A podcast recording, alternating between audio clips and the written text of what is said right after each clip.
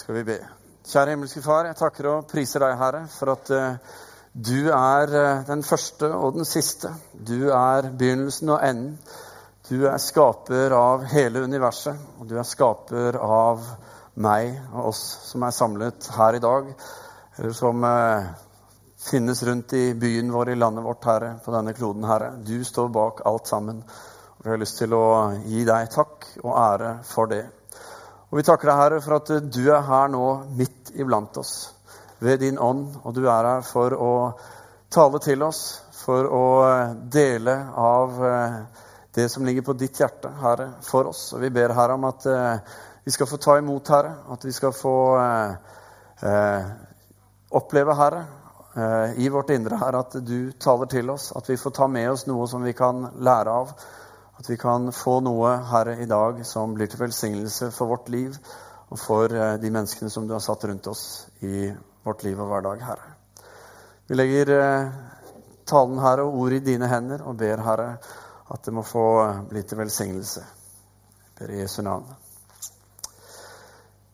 Ja, velkommen til Misjonskirken, alle sammen. Kjekt å være her sammen med dere. Kjekt å få lov til å eh, være en del av denne menigheten sammen med alle dere som eh, er her og har dette som sin menighet. Så er det kjekt å få lov til å være sammen med dere som er her for første gang. Eh, enten du er her i barnevelsignelse, eller du er her i forbindelse med koret som barnet ditt synger i, eller du bare er her for første gang. Hjertelig velkommen er dere alle sammen. Og velkommen også til deg som ikke er her, men som kan lytte til talen via podkast. Misjonskirken vi ønsker å være en menighet som eh, setter Jesus i fokus. Fordi Jesus har sagt at han er veien, sannheten og livet. Og det er bare ved og gjennom han at vi kan ha eh, fellesskap med Gud. Vi ønsker å presentere Gud på en relevant måte ut ifra Guds ord, som er Bibelen. Og vår opplevelse er at Gud er superrelevant for alle mennesker om vi bare lærer Han å kjenne rett. Eh, vi ønsker å, som menighet å leve nær til Jesus.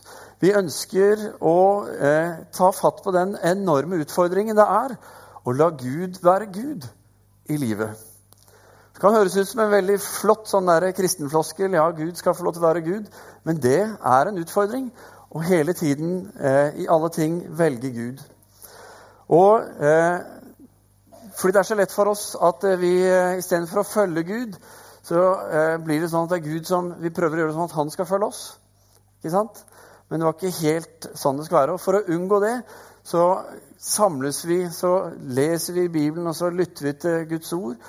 Og så, fordi vi ønsker å være litt sånn nøye og grundig, sånn at vi hele tiden kan få lov til å få mest mulig fra Gud og ja, få enda mer forståelse av det livet han har skapt oss til.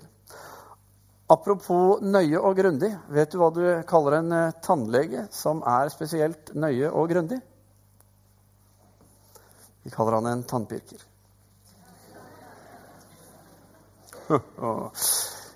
Vet ikke åssen det var med deg i eh, dine tenår, i din ungdom, når du bodde hjemme. Om du var så heldig å få gjøre det. Og om det hendte at du ble spurt om å gjøre noen av oppgavene i huset. Kanskje var det oppvasken, hvis du er gammel nok til å ha vokst opp med oppvask på benken hjemme. Kanskje handlet det om å klippe plenen, kanskje handlet det om å gå og handle. Eller hva det nå måtte være av alle de tingene du kunne bli spurt om, og som du ikke hadde lyst til å gjøre. Men av og til så kan vi få disse spørsmålene som bare gjør at eh, lufta går ut av badedyret. ikke sant? Bare, alt bare siver ut. Du kunne egentlig ha følt deg ganske fin, og så kommer spørsmålet. 'Frode, kan du gå ut med søpla?' Og så kollapser man helt, liksom. Men så er det liksom, skjer det noe da, om energien siver ut av oss, så, så kommer noe annet sivende inn. Og det er denne voldsomme kreativiteten evnen til å finne på en god grunn til å ikke gjøre det du blir spurt om. Og eh, når du har klart å lure deg unna, enten det var fordi du var så sliten fordi du jobba så hardt på skolen i dag, eller fordi du måtte rette opp og lese på lekser og hadde ikke tid, og hva det måtte være vet ikke om du kan kjenne deg igjen i følgende situasjon. det skjer noe annet. Kanskje får du en telefon. Og hvis du ikke hadde telefon når du var ungdom, kanskje ringte det på døren. Og hvis det ikke ringte på døren, men banka på, så er vi veldig glad for at du er her sammen med oss i dag. Men det skjer noe som på en måte snur hele hverdagen. For kanskje er det han eller hun som du er skikkelig begeistra for. Som du er forelska i, ikke sant? og som du har gått og sett på og tenkt på, og som du kanskje kjenner litt.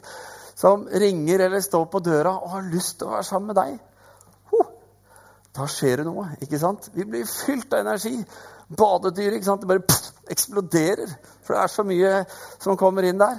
Og så tenker du at hadde jeg måttet løpe 3000 meter nå, skal jeg gjort det på åtte blank. ikke sant? Bare for å få lov til å være sammen med han eller henne. Jeg vet ikke om du kjenner deg igjen i noe av de følelsene der. Det er det vi skal snakke om i dag, når vi nå tar fatt på den siste talen i serien om tilbedelse. Tilbedelse, det handler fullt og helt om hva vi ser og forstår. En forståelse eh, Nei, en forelskelse det er årsaken til en form for tilbedelse. Det har skjedd noe i oss. Og bare det å få lov til å være i nærheten av, kanskje høre stemmen til eller kjenne lukten av, er så utrolig verdifull plutselig. Når man bare har det derre forholdet. Når jeg var tenåring og vokste opp i eh, Misjonskirka i Oslo og gikk på junioren, som var tenåringsarbeidet der, så var det en jente som het Else. Og når vi var på leir, så ble Else både forelska i og kjæreste med Runar, som bodde på Hamar. Og eh, det betyr jo at når du bor i Oslo og på Hamar, så ses man ikke så ofte. Og da kan savnet bli stort. Så det Else gjorde, var at hun gikk på parfymeri, og så kjøpte hun aftershaven til Runar. Lagerfelt. Jeg vet ikke om du husker den? Jeg hadde den også, skjønner du. Men det hjalp ikke på Else.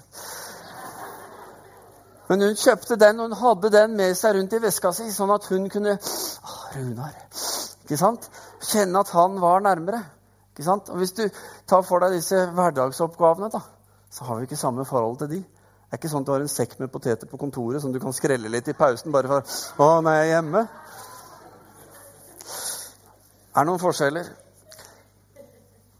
Men det er litt sånn med tilbedelse. Tilbedelse det er en respons på noe som skjer i livet vårt. Noe som vi får en større forståelse av, kanskje som vi ser. Og hvis dette rører ved dypet i oss, så blir vi villige til å gjøre ganske mye for å få erfare mer av dette. Tilbedelse av Gud er en respons på hva Gud har fått lov til å vise oss, eller hva vi har fått se eller erfare med Han. Det uttrykker noe om vår forståelse av hvem Gud er, og også en forståelse av hvorfor vi nettopp skal tilbe Han. For min egen del så kan jeg ramse opp mange ting, og jeg har for så vidt gjort det her òg, eh, som jeg skal dele nå, om hvorfor jeg tilber. Først og fremst så tilber jeg fordi jeg har fått et møte med Gud i mitt liv. I mine tenår så gikk jeg fra bare tro fordi mamma og pappa hadde tatt meg med i kirka, til selv å liksom si Gud, vet du hva, jeg tror på deg tror du fins Jesus. Jeg fikk oppleve at uh, Gud måtte vise meg hvem han var. Jeg fikk erfare han. Uh, jeg fikk begynne å tro på han og oppleve at den troen holdt. Og så fikk jeg se at uh, Gud var mer enn det naturlige som var rundt meg. At ingenting uh, tilsynelatende kunne være umulig for han. Og som det sto i Bibelen, også umulig for, uh, ingenting skulle være umulig for de som trodde på han. Og så jeg opp, har jeg fått oppleve det opp gjennom at uh, Gud har kontroll, selv om ikke det alltid virker sånn. At ikke alltid jeg føler det. Og så har han latt meg få en forståelse, en klar opplevelse av at han elsker meg, selv om ikke jeg alltid også føler det. Og så ønsker han å leve i fellesskap med meg, at jeg skal få være i hans nærhet og han i min. Og fordi jeg er blitt bedre og bedre kjent med Gud, så jeg også, eh, tilber jeg også fordi Gud uten, står uten sammenligning med noe annet. Altså Han er før alt sammen, før alt det skapte. Det er han som har skapt. Han har skapt meg. Og så har han gjort alt i sin makt til å fortelle meg og fortelle oss at han elsker oss. Så høyt at han ga sin eneste sønn til å dø i mitt sted, i ditt sted. Selv om ikke du ba han om å gjøre det eller kunne gjøre noe til eller fra, så valgte han å gjøre det rett og slett fordi Gud ønsker å leve i fellesskap med oss. Han ønsker at vi skal få se hvem han er, slik at vi skal få lov til å tilbe han. Og så tilber jeg Jesus fordi han var lydig. Han gikk korsets vei. Han visste at når han gikk inn til Jerusalem den påsken, så kom han til å bli tatt til fange, og han kom til å dø. Han fortalte disiplene om det før dette skjer, men han gikk allikevel. Og fordi han gjorde det, så åpnet han veien for meg til å ha fellesskap med Gud, på tross av mine feil og mangler. På tross av den synden som jeg bærer på. Og så tilber jeg også fordi jeg har opplevd gjennom livet mitt at jeg trenger Gud. Jeg er avhengig av at han skal få lov til å virke i meg, at han skal få lov til å ha innflytelse i mitt liv. Slik at mitt liv kan få lov til å bli en del av det Gud har skapt meg til. En invitasjon til å være en del av noe større, en større hensikt i livet. Og jeg tilber Gud fordi han, tror jeg, er det fokuset som nettopp samler alle andre spørsmål og utfordringer og problemer i livet, og som, hvor jeg sammen med han kan få lov til å nettopp få hjelp til å møte livets utfordringer. Fordi jeg får lov til å få del i det Gud skapte meg til å være. Og Nå kan det høres ut som at det er noe veldig fantastisk med meg fordi jeg tilber. Men jeg tror hvis du som tror går igjennom eh, hvem Gud er, hva du tenker og tror om Han, så kan du lage en tilsvarende liste. Men det er en god liste, for den er med på å vise oss litt hvem Gud egentlig er. For det har vi lett for å glemme litt i hverdagen. Når vi nå snakker om tilbedelse i denne serien, så sier vi at eh, tilbedelsens hensikt og funksjon er en reorientering fra meg og til Gud. Altså at mitt fokus ikke bare skal handle om hva jeg vil, og hva jeg ser og trenger i hverdagen, men at jeg skal invitere Gud til å vise meg hva jeg ser og trenger i hverdagen. Tilbedelse er på en måte å gi seg selv i gave til Gud. Ikke sant? Hvis du har den til fralappen der. Til Gud fra meg. Det er det tilværelse egentlig handler, handler om. Eh, og hvor målet er å overgi seg selv helt til Gud. Og stole på Han, tro på Han, ha tillit til at det Han har sagt, er sant. Og at de løftene Han har gitt, er noe Han vil holde i vårt liv. Og Jesus i Jesus så har Gud vist oss hvem han er. Og han har gått i døden for oss. Han har gitt, overgitt seg selv på en måte til oss da han overga seg i døden. Og så eh, er vår, vårt privilegium at vi får lov til å komme til han på tross av sånn vi har det. Og så får vi del i det han har skapt oss til. Vi får erfare Guds nærhet. Vi får se hans rike og erfare det.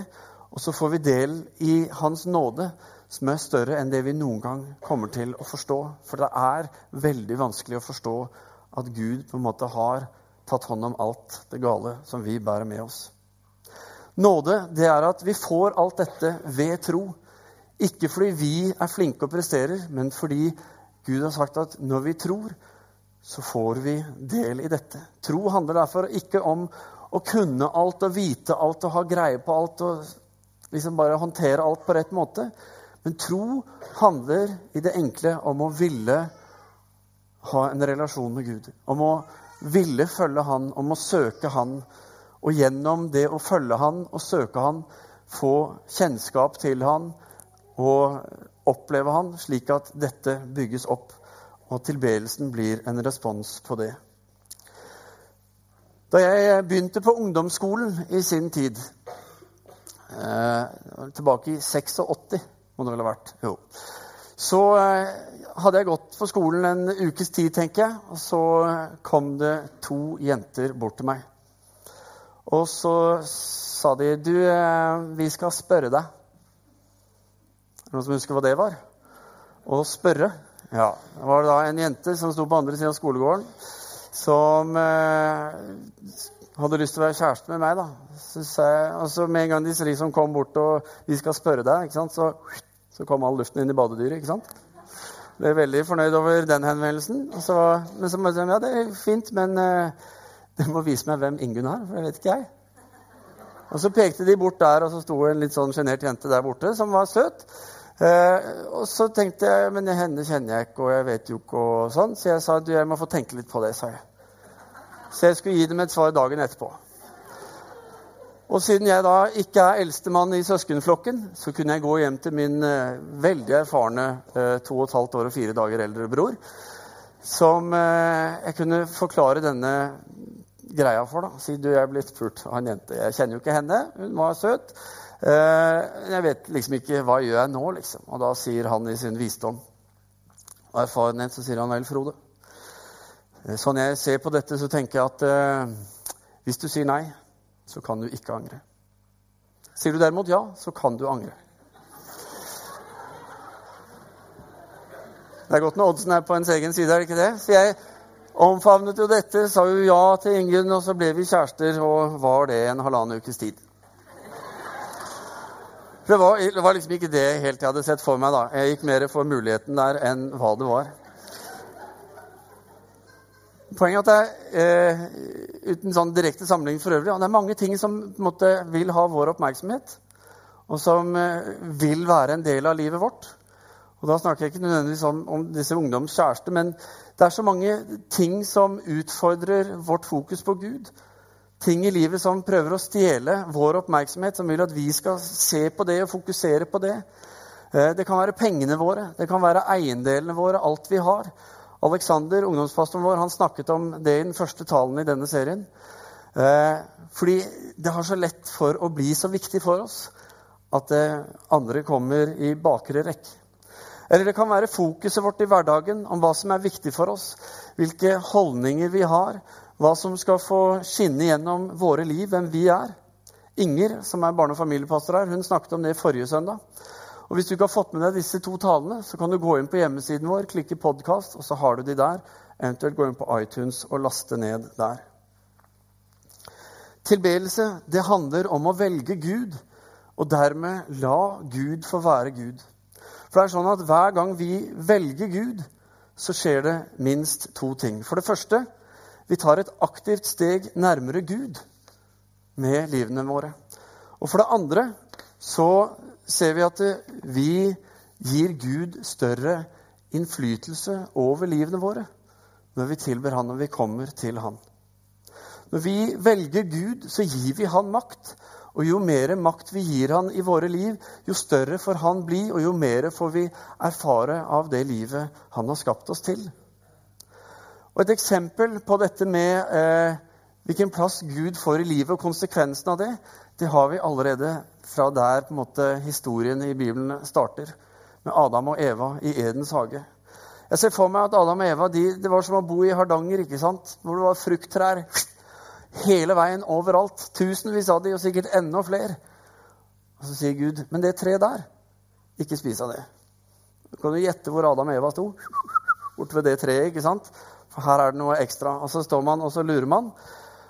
Og så er det sånn at eh, ved å ikke spise av den frukten, så, valgte, så ville Adam og Eva de ville velge Gud. De ville gi han makt fortsatt, makt og innflytelse over livene deres. Mens derimot ved å spise av den frukten, så valgte de Gud bort. Og så ga de makten og innflytelsen over livet deres til en annen. I dette tilfellet da djevelen, som er med i historien i eh, form av slangen som frister de til å spise av dette treet.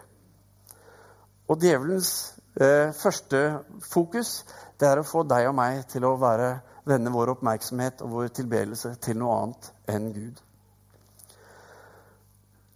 Det som de fleste av oss assosierer med tilbedelse, det er det som ble annonsert tidligere i dag, eh, som vi skal snakke litt om nå, det er nettopp dette som har med lovsang og bønn. I hver eneste gudstjeneste som vi har her i Misjonskirken, så setter vi av tid til å tilbe Gud. Vi er i lovsang, vi ber, og vi ønsker å fokusere på Gud. Fordi tilbedelsen den hjelper oss til nettopp å reorientere oss fra oss selv og til Gud.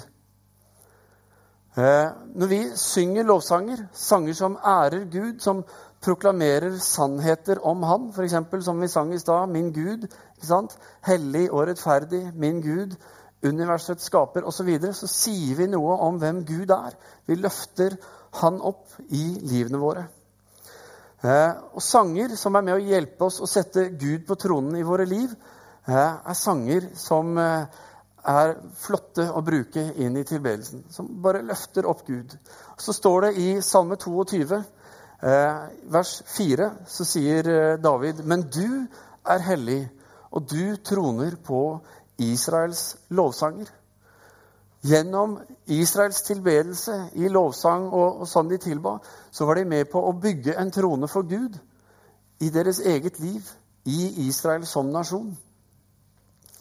Og eh, I en kommentar til dette verset så står det at eh, dette verbet 'trone' er et uttrykk for at der hvor de som tror på Gud, samles for å tilbe Han og opphøye Han, så eh, er Han til stede i sin makt, altså som kongetype på tronen, klar til å manifestere seg selv, sitt rikes kraft, på den beste måten inn i den situasjonen der hvor livet er. Altså Gud er til stede med alt han er, som en konsekvens av at vi løfter han opp i våre liv. Og Det er fordi hans rike og makt inviteres inn til å innta den sammenhengen vi står i, til å bli en del av livene våre når vi tilber Gud. Og så gjelder ikke dette bare for gudstjenesten på søndag formiddag eller bønnemøte søndag kveld eller torsdag eller når det er. Men det er ment å være sannhet om hverdagen vår. Alle livets situasjoner så kan vi tilbe Gud og invitere Han inn. For hvis Gud er Gud, så kan vi ikke gjøre Han til noe mindre eller til noe annet enn det. Det fungerer ikke. Altså Hvis Han har skapt oss, så kan ikke vi eh, redusere han til å passe inn sånn som vi vil at han skal passe inn. Det er veldig menneskelig å prøve å gjøre det. Tilpasse Gud til sånn vi tenker at vi vil han skal være. Og når ting går gærent, så gjør vi han ansvarlig ikke sant? for at ting går galt. Og, og tenker at Gud, nå må du komme og ordne opp. Og hvis du ikke ordner opp, ikke sant? hvem er du da? Og så skape en sånn vanskelig ramme rundt uh, gudsforholdet vårt. Men Gud fungerer ikke på den måten. Lar vi derimot Gud være Gud, i den forståelse at vi inviterer Gud inn til å eh, bli en del av hverdagen, av den situasjonen vi står i. Si, 'Gud, jeg trenger deg nå. Vis meg hva jeg skal gjøre.' Led meg, osv. Så, videre. så skaper vi helt andre rammer for Gud i vår hverdag. I Jeremia 29 så eh, sier Gud, 'Når dere kaller på meg og kommer for å be til meg, vil jeg høre på dere.' Dere skal søke meg, og dere skal finne meg. Når dere søker meg av et helt hjerte, lar jeg dere finne meg, sier Herren. Tilbedelse handler altså om å ære Gud på en direkte og konkret måte. Og min erfaring er at når vi er i tilbedelse, altså når jeg bestemmer meg for å ikke tenke på alt det andre, men bare sier 'Gud, nå har jeg lyst til å synge og tilbe deg', så skjer det noe. Da får jeg lov til å være mye mer til stede i den tilbedelsen. Og så kan det skje at jeg løfter opp en hånd. Har du sett det noen gang? Det er noen som løfter opp hendene. Kanskje to hender. Ikke sant? Men for meg, når jeg gjør det, så handler det om at eh, jeg har behov for å uttrykke enda mer hvem Gud er. Jeg bare liksom Gud, du der oppe, liksom. Så bra. Og så viser jeg på en måte at jeg, jeg skjønner at Gud er større. Og så En sjelden gang iblant kan jeg finne på å falle på kne også. Ned der, liksom. Og det er ingen som ser meg, for nå havna jeg bak den. Men eh, rett og slett bare fordi jeg opplever at Gud møter meg på en særskilt måte. Og så bare er det det å være i Guds nærvær som blir spesielt og godt. Men så er det mange ganger også hvor jeg er i tilbedelse hvor jeg ikke får den samme opplevelsen. Og så er det dermed sagt at, eller, så betyr jo ikke at det å løfte hendene eller falle på kne er en slags oppskrift. Eller at de som gjør det Oi, de er kristne, de. Eller noe sånt. Men det er rett og slett bare at vi uttrykker oss på forskjellig måte i møte med Gud. Og Nå bare lå jeg litt foran meg selv her. Bønn er også en veldig viktig del av vår tilbedelse. Når vi ber, så henvender vi oss til Gud i tro, fordi vi tror at Gud kan gjøre noe inn i den situasjonen vi er i. Altså Gud kan, Han både lytter og har makt til å gjøre noe. Men ofte så er det sånn at bønn reduseres til å bli en sånn ønskeliste. Eller sånn der 'Gud, kan du nå gjøre dette?'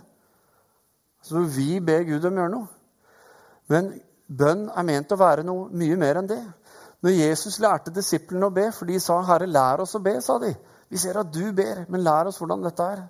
Så når det første han sier, det er at vi skal ære Gud. Vi skal løfte han opp. Han sier 'la ditt navn holdes hellig'. Altså å løfte opp OK, Gud, du er hellig. Gud, du er eh, noe mer enn det vanlige. Altså, du er adskilt, som det hellig betyr. Du er satt til side. Du er noe mer enn det jeg har rundt meg. Og så måte, setter vi Gud opp der han skal være, på tronen i våre liv.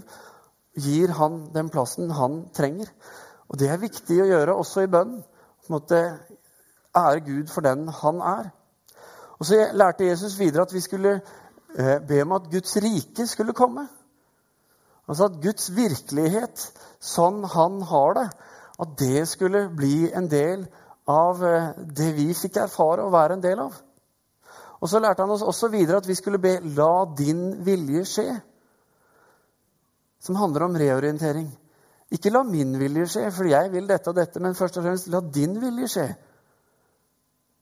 Her på jorden, her hvor jeg er, her hvor vi samles, her hvor mine venner, kollegaer, familie osv. er. For Herre, vi trenger mer av deg. Så bønn er også en viktig del av tilbedelsen. Og jeg tror av det første steget vi kan ta i forhold til at Guds vilje skal skje i livene våre, det er nettopp det å søke nærmere Gud og be om at Hans vilje skal skje i våre liv.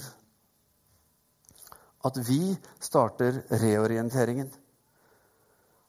At vi overgir oss, at vi tar tankene våre, holdningene våre, ambisjonene våre, drømmene våre, alt sånn vi skal ønske det var. Og så kan vi si, Gud, dette, sånn tenker jeg. Vis meg hva du tenker. Og så er det ikke noe sånn at da tar Gud og sier ja, nei, dette er helt feil. Så hiver han ut. Nå skal du få noe helt annet. Men ofte så kommer Gud inn og så bekrefter han ting som vi har med oss. Og så viser han oss hvordan han kan bli en integrert del av det. ikke sant? Og så blir det eh, en bra si, effekt av det. Og så tror jeg nettopp det at vi føler oss frie til å tilbe, altså en sånn der frukt av at vi får se hvem Gud er. At vi kan ikke kjenne at vi må eh, oppføre oss på en spesiell måte, eller at Gud tåler sånn og ikke sånn, men bare være frie og villige framfor Gud. Å takke Gud for alt han er og alt han gjør, og la hans virkelighet innta våre liv, det er ikke bare en god ting å gjøre, jeg tror det er veldig viktig for at vi skal få lov til å nettopp leve i den pulsen som troens liv er ment å være. Salmenes bok, eller hvis du oversetter direkte fra hebraisk, så betyr det lovprisningsboken, eller tilbedelsesboken, om du vil. Det er salmeboka, tilbedelsesboka til eh, menigheten tilbake i Israels dager. Den er full av bønner, den er full av lovsanger, full av eh, deres tilbedelse til Gud. Og den er full av prinsipper som er fullt ut anvendbare inn i vår hverdag, i vår tro og vårt trosliv. Og så er det sånn at eh, Et av de viktigste prinsippene knyttet til det å tilbe Gud, er dette at når vi tilber Gud se, unnskyld, Nærværet av Guds rikes kraft er direkte knyttet til det å tilbe Gud. Altså når vi tilber, så bygger vi et fundament for Gud i livene våre. Og jo mer vi bygger, jo større makt får Gud i livene våre, som sagt. Og Gud tror jeg venter på vår tilbedelse. For når vi tilber og vender oss mot Gud, så får Gud slippe til. Da får han vise hvem han er. I Apostlenes gjerninger så leser vi om Paulus og Silas at eh, fordi de var ute og forkynte om Guds ord og sånn, så ble de tatt til fange og satt i fengsel. Og det fengselet de ble satt i, så ble bena satt i blokker. Ikke sant? Klammer på hver side og låst sammen. Så der står du. Du kan sette deg ned, og så blir du lenka også til veggen med svære kjettinger låst. ikke sant? Og så I tillegg så sitter du inne i et rom med låste dører. Da er du ganske låst, for å si det sånn. De var ute og tjente Gud, og så ble de satt i fengsel. Og tenk hvor lett det er i en sånn situasjon å bli litt grinte på Gud. Gud, her måtte sette jeg livet mitt på spill. ikke sant? Her satser jeg alt for deg, og så setter du meg her. Dette kunne du gjort noe med. Ikke sant? Og så kan vi bli litt sånn misfornøyde og sure og kanskje til og med bitre på Gud. Og hver gang vi blir misfornøyde og sure og bitre på Gud, og på en måte, øh, så begynner vi å skape litt avstand. ikke sant? Men det vi ser Paulus og Silas gjorde, det var at når de kom inn der og ble lenket og satt fast, så, så begynte de å synge lovsanger. De begynte å be bønner. Og så siterte de helt sikkert noen vers sant, til hverandre som de husket fra kanskje Salmenes bok eller noen av profetene. Så står det at eh, de hadde en sånn der kjempebra tilbedelsesstund der i fengselet framfor Gud. Og så står det at eh, mens de gjorde det, så begynte liksom hele fengselet å riste. Som om det var jordskjelv. Og så spretter dørene opp. Og så faller lenkene av og låsene av. Sånn at ikke bare Paulus og Silas, men alle som var i fengsel, kunne både reise seg opp og gå frie rundt. Og så er det lengre historie der med han fangevokteren som bare 'Å nei, hjelp, alle er borte, og alt er gærent.' Og de sier 'Nei, slapp av, vi er her', ikke sant? Og så blir det en fin greie. Men poenget er at når vi tilber Gud, så eh, settes vi fri. Det skjer noe i livet vårt. Vi blir fri til å erfare det vi er skapt til å være. Fri til å eh, hente tilbake det som gikk tapt da Adam og Eva valgte Gud bort. Og ved Jesu døde oppstandelse, som det som påsken handler om, det er å bygge broen tilbake til Gud, til fellesskap med Han. Og det får vi gjennom det å leve nær til Gud og tilbe Han tro på Han. I Galaterne 5 så sier Paulus til frihet har Kristus frigjort oss. Stå derfor fast, og la dere ikke tvinge inn under slaveåket igjen. Så ikke vend tilbake fokuset ditt. Ikke re-reorienter på en måte tilbake igjen. Men bli der fortsett å være der. La Gud være Gud. Velg Han hver dag, slik at Han får være Gud i livet ditt. For når vi skal klare alt selv, når vi skal herske, når vi skal være på førsteplass, så det vi ofte gjør, er at vi binder oss selv. Vi gjør det vanskelig for oss selv. Begrenser oss selv, og så begrenser vi hva Gud får gjøre i livene våre. For vi er mer opptatt av hva vi får til, enn hva Gud allerede har gjort. Så min oppfordring nå som vi avslutter, er om ikke du har begynt før, så start i dag. Men rett og slett bare å vende fokuset mot Gud. Om det handler om å eh, bli kjent med han, altså begynne å gå kanskje mer i kirka, eller om det handler om å lese mer i Bibelen, eller om det handler om at du forstår kanskje litt mer av hvorfor vi lovsynger og tilber, så tenker jeg ok, jeg skal være med på dette. Jeg skal se om ikke jeg kan finne ut av dette. Men eh, la det ikke bare handle om her inne. La det handle om når du kommer hjem. Valgene du tar i bilen på vei hjem, valgene du tar sammen med barna dine eller med ektefellen din eller med naboen din eller hvor nå enn du er, på jobb eller overalt. Inviter Gud inn til å være herre. La Han være Gud i livet ditt. Reorienter fra deg selv til Gud, slik at Han får være herre. Og lar du Gud være Gud, så kommer det til å gjøre under i livet ditt. Skal vi be. Kjære himmelske Far, jeg takker og priser deg, Herre, for at uh, vi får lov til å sette ord på uh, det som du har gjort for oss, Herre. Og for noen av oss, Herre, så vet vi ikke så mye om hva det innebærer. Så det med tilbedelse er liksom ikke greia vi helt bare hiver oss på. Men det er greit, Herre. Det er jo sånn du også har tenkt det. Fordi du ønsker her at tilbedelsen vår skal være en respons på det vi får lov til å erfare. Så Herre, hjelp oss å søke mer av deg. Enten vi begynner på blanke ark eller vi har søkt deg lenge, Herre. Men takk for at det alltid er mer å få hos deg. Det er alltid eh, nye perspektiver, nye åpenbaringer, Herre, som du kan gi.